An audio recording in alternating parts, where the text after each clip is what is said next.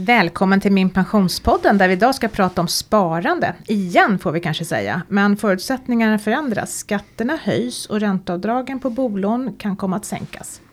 I veckan besökte vi Göteborg och passade då på att fråga några personer hur de tänker om pensionssparande.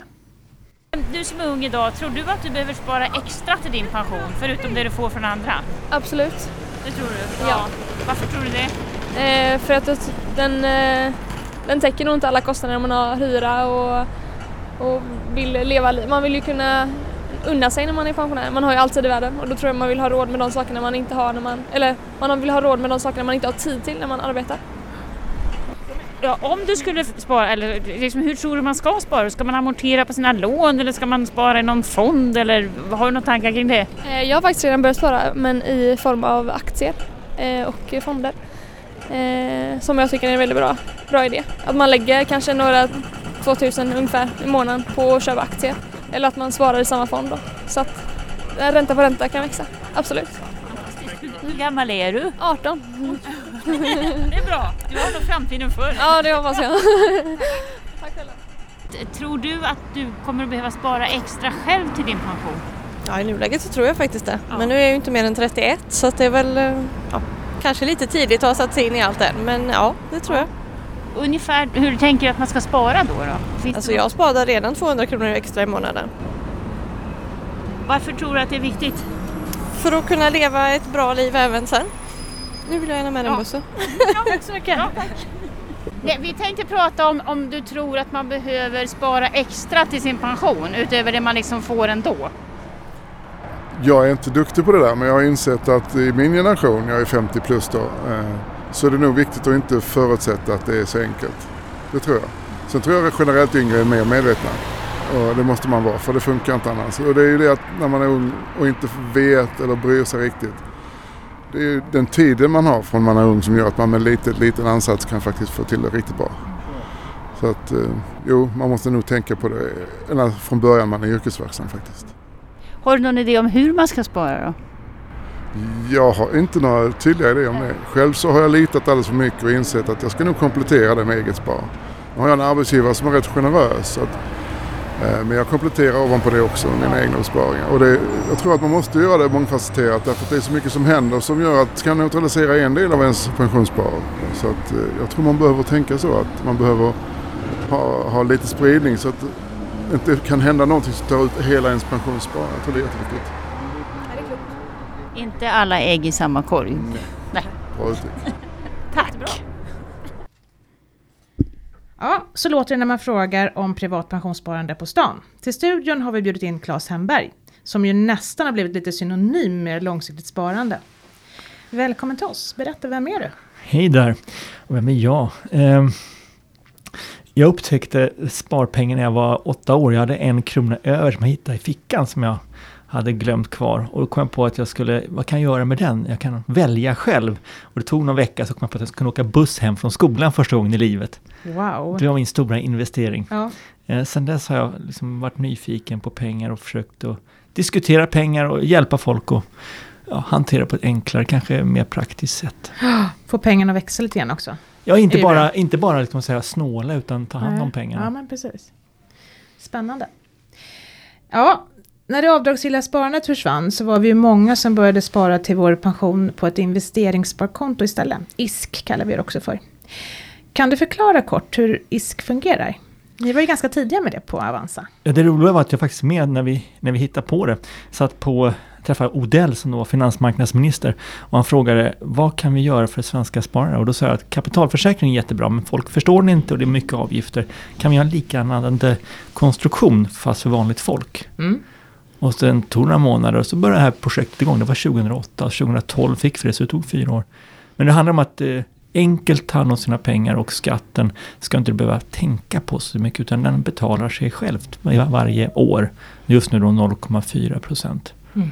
Ja, istället för att betala skatt på vinsten betalar man skatt på så att säga, de pengar man har. Ja, för vi ser att folk som ska tänka efter hur mycket skatt blir det på den här fonden då. De gör inget, de byter inte till billiga fonder, de byter inte till kanske bättre fonder. De sitter kvar i dyra allemansfonder i 40 år och betalar mm. väldigt mycket avgifter. Så att ISK kanske hjälper folk att bli mer självkritiska tänka på avgifter och ja, kanske även på konsumtion. Man kanske tar ut pengarna och köper en kajak för pengarna Mm. hellre. Och det tror jag är bra att man inte ser det som någon slags eh, mumifierat sparande Nej, utan någonting man faktiskt kan använda. Nej, men det är ju väldigt pedagogiskt sparande tycker jag. Mm. Speciellt ur pensionssynpunkt, för man kan ju liksom veta det. Till exempel vill jag gå ett år tidigare. Ja, men okej, spara ihop en lön då, så att du kan leva på den. Och så kan du gå ett år tidigare utan att röra pensionen. Mm. Och då behöver man inte fundera på skatter och grejer, utan det är liksom pengar in, pengar ut. Mm. Ja, raka rör. Mm. Hur många är det som har riskkonto idag? Vet vi det? Det är Någonstans två miljoner. Oj. Och det, har- och det har ökat fort första året. Alltså jag tänkte, det var 2012 vi startade. Eh, och eh, 12, 13, 14 så gick det riktigt bra. Sen 15, 16 har varit lite lugnare. Framförallt 16. Så det känns som att första vågen av svenskar som är intresserade. Jag brukar säga att en femtedel av svenskarna de är intresserade av pengar och förstår hur det hanteras. Och sen har vi å andra sidan då 20% till som inte förstår någonting alls och inte bryr sig. Och mittemellan har vi alla månadssparare. Mm. Som någon slags mittemellan svenskar. Eh, så de eliten om man säger så inom sparandet har redan upptäckt det. Nu måste vi försöka få vanligt folk att använda det. Och då kommer politikerna och höjer skatten vilket gör att folk tror jag drar händerna ifrån ISK-kontot. Så att det var lite synd att komma med det här nu. Eh, är det fortfarande ett bra sparalternativ? Nu höjer man då skatten. Det är små pengar man höjer med. Ja, Så det spelar egentligen ingen roll. nej. Jag, jag blev mer upprörd och det här uppropet som vi startade som nu har fått 34 000 att ställa upp. Wow!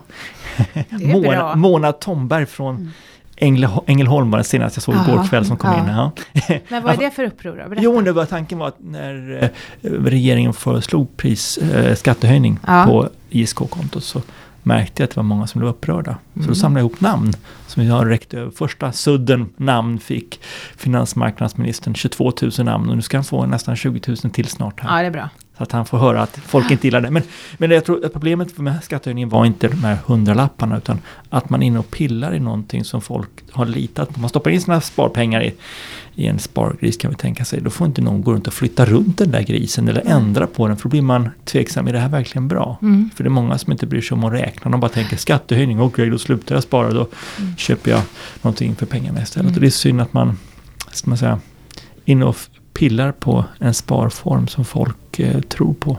Nej, men, det, det vi har sagt när vi har pratat i ISK förut, det är just det där att man ska ju inte bara liksom lägga in vanliga bankpengar, utan man måste ju få snurr på de där pengarna. De måste ju ändå ha en viss värdetillväxt. Mm. Eh, Och då undrar jag nu med de nya förutsättningarna, kan du mellan tummen och pekfingret säga ungefär hur mycket borde mitt konto gå upp varje år för att det ska bli en bra affär? Ja, enkelt kan du bara räkna på det, vad, vad skatten bygger på. Den bygger på att du eh, 1% ska lägga till statslåneräntan, hans ma- moster, det är massor med siffror. Mm. Men du, säg att du har en, en blandfond, det funkar bra på, Mm. spar, på ISK. En, en räntefond, ja kanske, men de flesta räntefonder går ju så dåligt idag. Så att någonstans, eh, riktigt bra räntefond, ja. Mm. Men en vanlig räntefond, nej.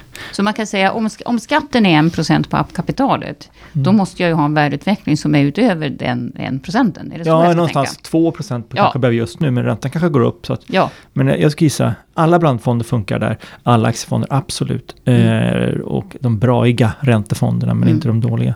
Eh, så att mycket av vårt sparande passar där. Och jag tycker inte man ska vara för rädd att ha kontant eller räntefonder en kort period. nej, en kort period. För, Nej, för det. Om du ska använda pengarna snart så ska du ha det i kontanter. Mm. Nej, men jag tänkte mer hur man ska tänka. Man ska så att säga räkna bort skatten mm. och tänka att jag måste klara av att ha en värdeökning som är högre än skatten. Just det, precis. Jo, men det, Enkelt det, så. är det. Mm. När lönar det sig? Och det är Mm. någonstans i dagsläget 2% kan Ja. man enkelt säga.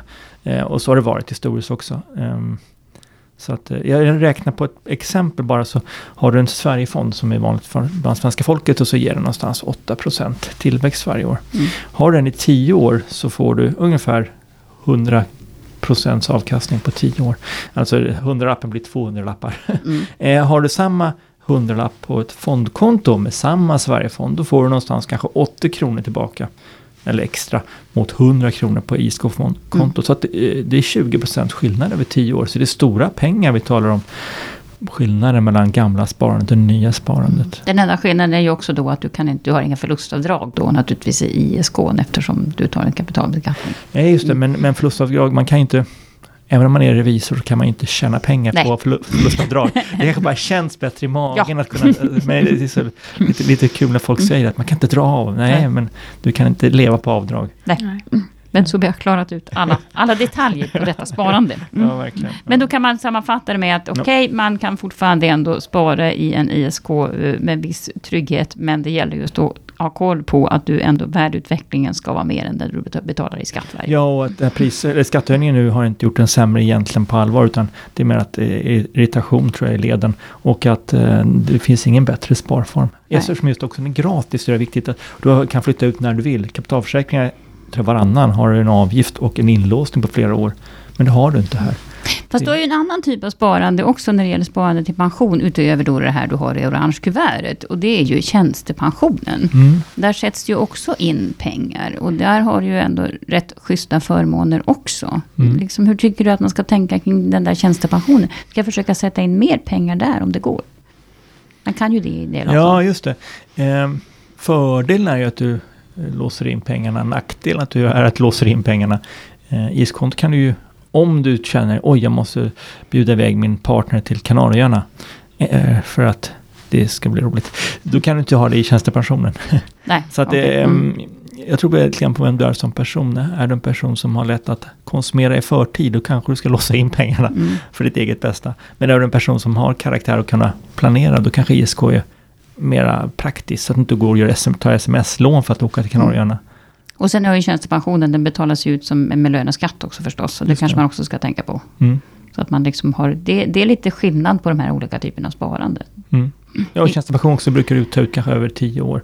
Det, det, är inte lika, det är inte lika flexibelt, du bestämmer Nej. inte lika mycket själv. Nej, det är sant. Men sen har jag tänkt också, eh, förutom då att vi har pratat om att det är höjd skatt på ISK, så har vi ju ändå, alltså nu börjar mer och fler, fler politiker att prata om det här som nästan var onämnbart för några år sedan. Att pilla lite i ränteavdragen på mm. lån. Alltså äntligen! Ja, äntligen säger du. Men jag menar det här får ju också konsekvenser för alltså det andra sparandet, det som heter amortering. Mm. Eh, det måste i min värld då bli mer attraktivt att amortera, speciellt om du får en räntehöjning på köpet samtidigt som att ränteavdragen sänks. Hur ska jag tänka där? Jag tror inte att svenska folket har tänkt så mycket på amortering, för man har inte behövt göra det. Eh, och ränteavdragen eh, har man också inte tänkt på, för man har bara fått dem som en gratis pengar. Så när nu politikerna är inne och rör i bägge de här två lådorna kanske, förhoppningsvis, så behöver svenska folket plugga på igen. Mm. Och jag, jag, jag själv brukar tänka amortera, ja det är ju bra om du om du eh, har mycket, mycket lån, självklart ska du amortera kanske ner till 5-60 procent mm. så att du känner dig lite mer flexibel i, i din vardag. Eh, men samtidigt så är du sjuksköterska. Du har ett väldigt tryggt jobb. Du kommer inte få vara arbetslös, även om du vill det nästan. Eh, så behöver du inte ha den ska säga, tryggheten i din, i, din, i din ekonomi, utan du kanske till och med behöver ha pengar som växer. För du har så pass låg lön som sjuksköterska, oftast.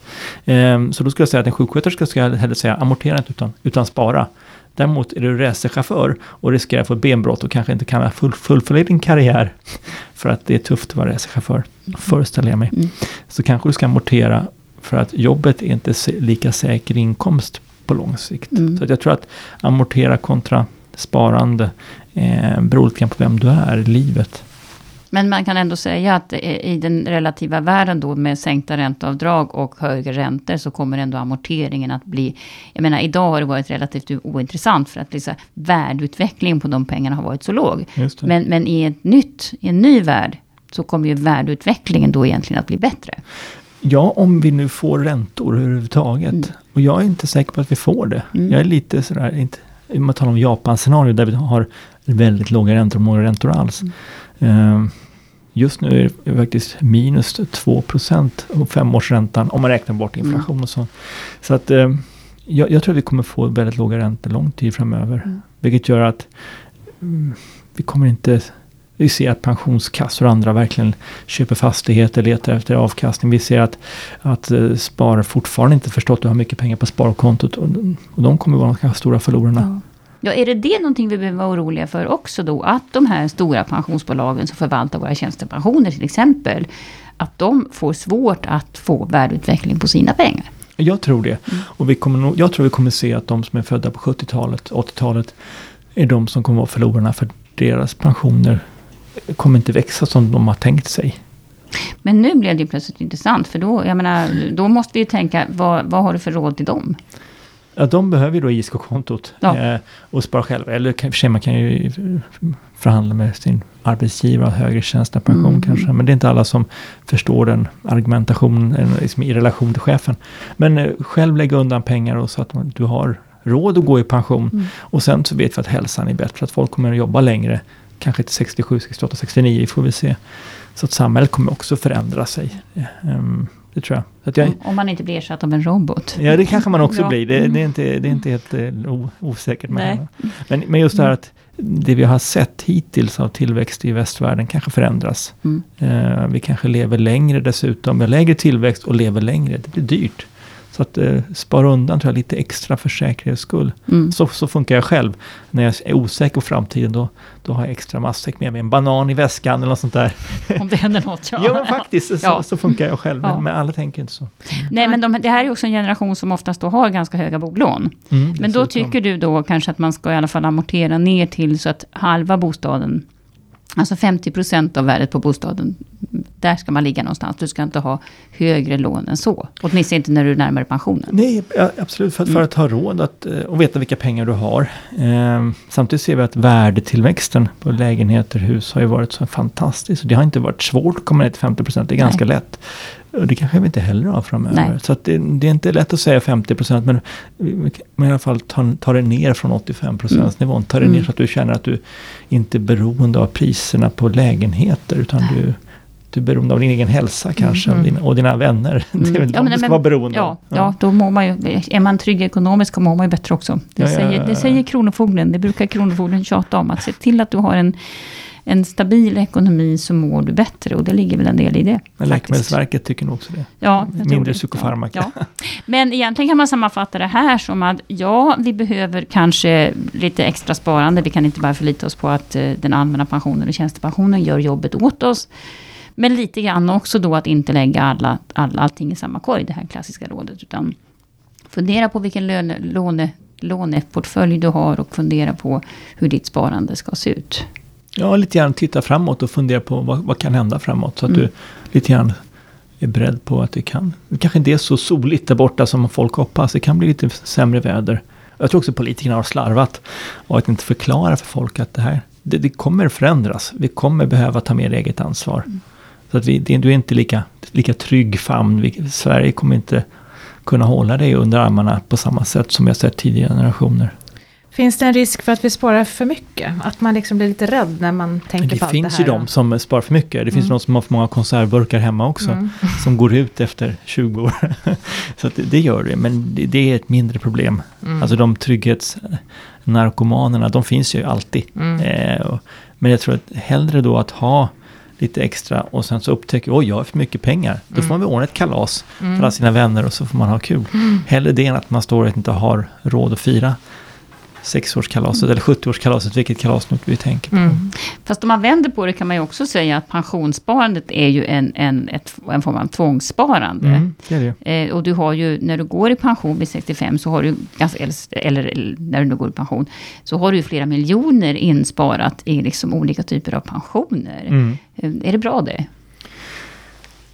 Tvång är jag Mm. ju personligen emot. Eh, men jag inser också att samhället behöver det för att alla inte förstår att vi behöver tänka framåt. Så att du har några, säkert en tredjedel av befolkningen som absolut behöver tvånget för att överhuvudtaget ha, få någon pension. Eh, så att vi, vi behöver nog en form av tvång. Men å andra sidan skulle jag gärna vilja att vi hade en, en, eh, en debatt i samhället. Jag kommer ihåg när jag var barn så hade vi, vad kallades det nu? Den kallades eh, Håll Sverige rent. Mm. Fantastiskt kul, ett klistermärke. Mm. Ja. Som handlar om att man skulle ta hand om konservburkar och så här. Nu är jag, alltså jag är bara fem år gammal, men det var fantastiskt kul att gå och samla konservburkar första gången. Jag förstod inte riktigt varför, men vi gjorde det i alla fall. Mm. Och jag tror vi behöver göra samma sak idag, att hjälpa folk att samla, inte konservburkar, men, men sparpengar. Eh, för att förstå att vi behöver dem längre fram. Eh, någon slags folkbildande. Mm. Jag tycker att Pensionsmyndigheten har missat att, att vi behöver hjälpa folk att förstå vad pengar handlar om. Det är inte bara att administrera pengar, man måste också hjälpa folk att fatta. Mm. Så jag skulle ha orangea såna här pensionsbussar som åkte runt på alla torg i hela Sverige. Eh, Inte varje år, men då och då. Men, men om du fick vara politiker för en dag då? Mm. Vad skulle du göra då? Då skulle jag nog tillsätta en pensionskommission. För att hjälpa folk. Hur ska vi få, lära folk pensioner? Så att man, på tal om tvång nu då. Mm. Att vi ska inte tvinga folk att, att, att spara i pension. Vi ska, vi ska inspirera folk att spara pension. För då kommer vi få folk som tar ansvar, folk som tittar framåt, folk som inte skyller på politikerna utan, och inte skyller på samhället. Utan själva tänkte vad kan jag göra? Men behöver vi någon typ av sparstimulans? Du menar i form av avdrag och sånt? Typ. Det tror jag också. Alltså, vi tycker politiker talar ibland om det, men jag tycker att det är fel väg att gå. Man ska inte muta barnen för att de ska diska. Utan man ska säga, det är bra att ha en ren tallrik när du lägger på maten nästa gång. Mm. Ja. Hellre det, tycker jag. Så att jag. Jag tror hellre på att, att stimulera med kunskap och säga att om du lägger undan 100 kronor i månaden, då har du råd med pizza till barnbarnen. Mm. Lite grann så. Eh, locka folk hellre än, än piska. Mm. Det är bra. Har vi några andra smarta spartips? Jag tänker om man då tycker att det här med iskan då, nu höjs ju då eh, skatten. Mm. Eh, och amortering, jag kanske inte har något hus att amortera på. Alltså vad, hur ska jag, hmm, finns det någonting annat?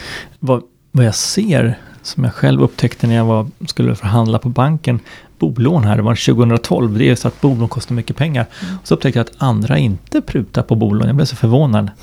Så att eh, det var då jag började prata om bolån på första gången i mitt liv på riktigt tror jag. Eh, och har följt det här under årens lopp och nu är det uppe i att varannan svensk faktiskt prutar på boräntan. Och i snitt 8400 kronor per år.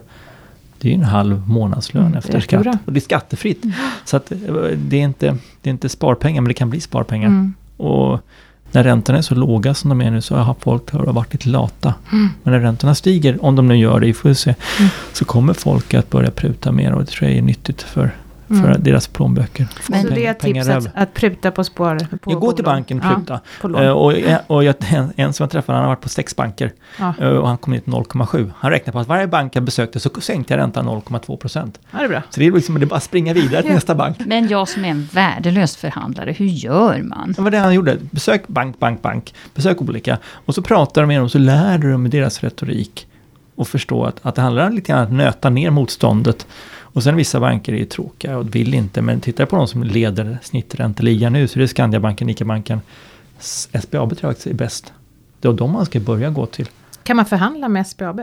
Ja, tydligen kan man det. Man kunde Jaha. inte för två, tre år sedan. Nej. Men idag verkar de vara mycket mera Jaha. spelbara. Så jag tror de har ändrat sig lite grann. De ska ju på Globen och tala sparande här snart. Så att Jaha. det blir mycket roligare med Spännande. SBAB än någonsin tidigare.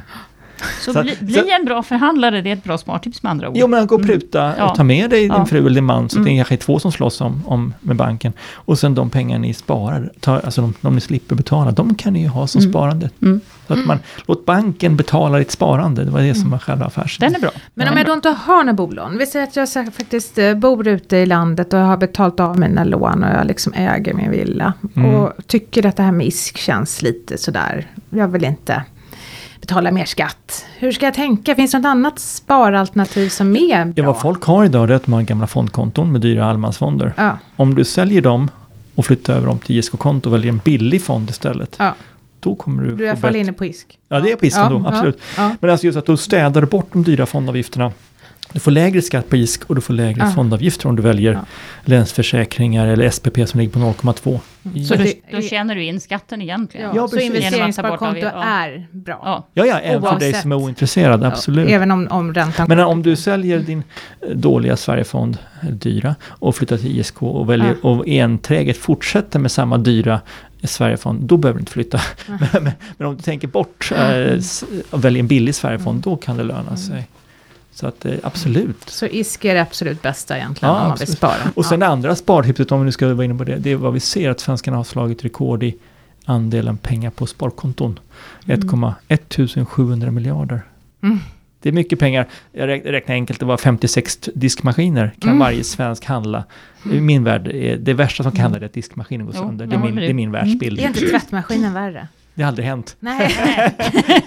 Men däremot diskmaskinen går sönder till varje år. Men det gör det inte. Jag räknar, det var bara sjunde år tror jag faktiskt. Men okej, så att min, min värld är diskmaskin. Så att Ja. det värsta som händer, det måste man ha råd med. Och snittsvensken har råd med 56 diskmaskiner. Ja, det är bra. Okej. Det, det borde här räcka till jul åtminstone. Ja. Men då menar du att man har det på alltså bankens nollräntekonton? Ja. Och så en, har man dessutom räntefonder och annat där. Mm. Så att svenskarna har ju alldeles för mycket pengar i räntor. Ja, och med tanke på att ja. räntorna inte ger något, Nej. varken nu eller tror jag närmaste åren. Så det tror jag är ett jättebra spartips. Att tänk efter vilka pengar ska du ha närmaste åren. Och Mm. bara de ska på Mm. sparkontot. Resten måste du våga våga spara lite längre horisont. Men inte kanske stoppa in alla pengar på en dag utan ta det över några kvartal. Ja. För att vi vet inte hur ekonomin ser ut om några veckor eller månader. Bli en bra förhandlare och spara och våga lite mer. Mm. Det är ett bra tips. Jag tycker Ja, om, vi, om, vi, ja. ja, verkligen. om vi summerar det här så tycker jag hör att, att ISK är ett bra sparalternativ. Ja, ja, det finns inget bättre. Och Ja. amortering är inte så dumt heller. Nej, absolut. Nej. Och lite grann fundera på att hitta en amortering så att du blir bekväm. Så du Ja. känner att ja, jag, jag tål prisförändringar på bostadsmarknaden. Jag Mm. vet vad mitt hus ungefär är värt. Nej, jag brukar ju säga då till blivande pensionärer just när det gäller bolån att det är klart att du måste ju kunna betala lånen med din, ny, med din pension som ju Mm. oftast är lägre än, än, än din lön. Så att jag menar det handlar om att få budgeten att gå ihop. Just det. Och det kan man ju se ganska lång tid i förväg vad som behövs för att den ska göra det. Mm. Det var inne på ett område, pensionärer jag träffar som inte får belåna sitt hus. Mm. För att banken tycker att de har ingen lön som de kan betala räntan med. Och så- Nej men det är klart att det gäller ju naturligtvis att se sig för. Men det är därför jag säger, du, ska, du, du behöver inte, du behöver inte eh, så att säga, amortera ner så vansinnigt mycket så att du kanske behöver låna sen igen. Nej, utan ja, utan du ska ha en, en budget som du är bekväm med som pensionär. Ja.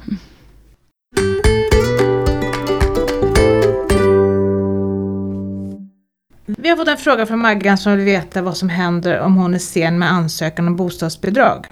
Hon undrar också om man kan söka både bostadsbidrag och bostadstillägg samtidigt.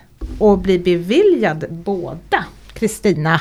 Ja, det vore väl härligt. Ja, eller hur? Ja. Money, money, money. Mm, nej, så här funkar det. Eh, bostadsbidrag, det har man fram till man fyller 65 år, eller kan bli beviljad det. Och det ansöker man om hos Försäkringskassan.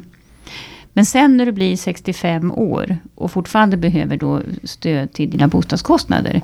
Då går plötsligt bollen över till Pensionsmyndigheten. Och då heter inte bostadsbidraget bostadsbidrag längre, utan bostadstillägg för pensionärer. Så att man håller skillnad på det här. Eh, och då ansöker man som sagt hos Pensionsmyndigheten. Och det, eftersom det finns en då tydlig åldersgräns, antingen är du 65 eller inte 65, så kan man alltså inte söka båda, båda samtidigt. Det här är en podd som görs av Min Pension, där du kan se hela din pension och göra pensionsprognoser. Vi som har gjort podden idag är jag, Maria Eklund och Kristina Kamp från Min Pension och dagens gäst var Claes Hemberg från Avanza. Hej då! Du hittar oss på Twitter, Instagram och Facebook. Och vi blir glada om du prenumererar på podden i Soundcloud eller i iTunes och delar med dina vänner. Tack för oss. Hej! Hej då! Hej.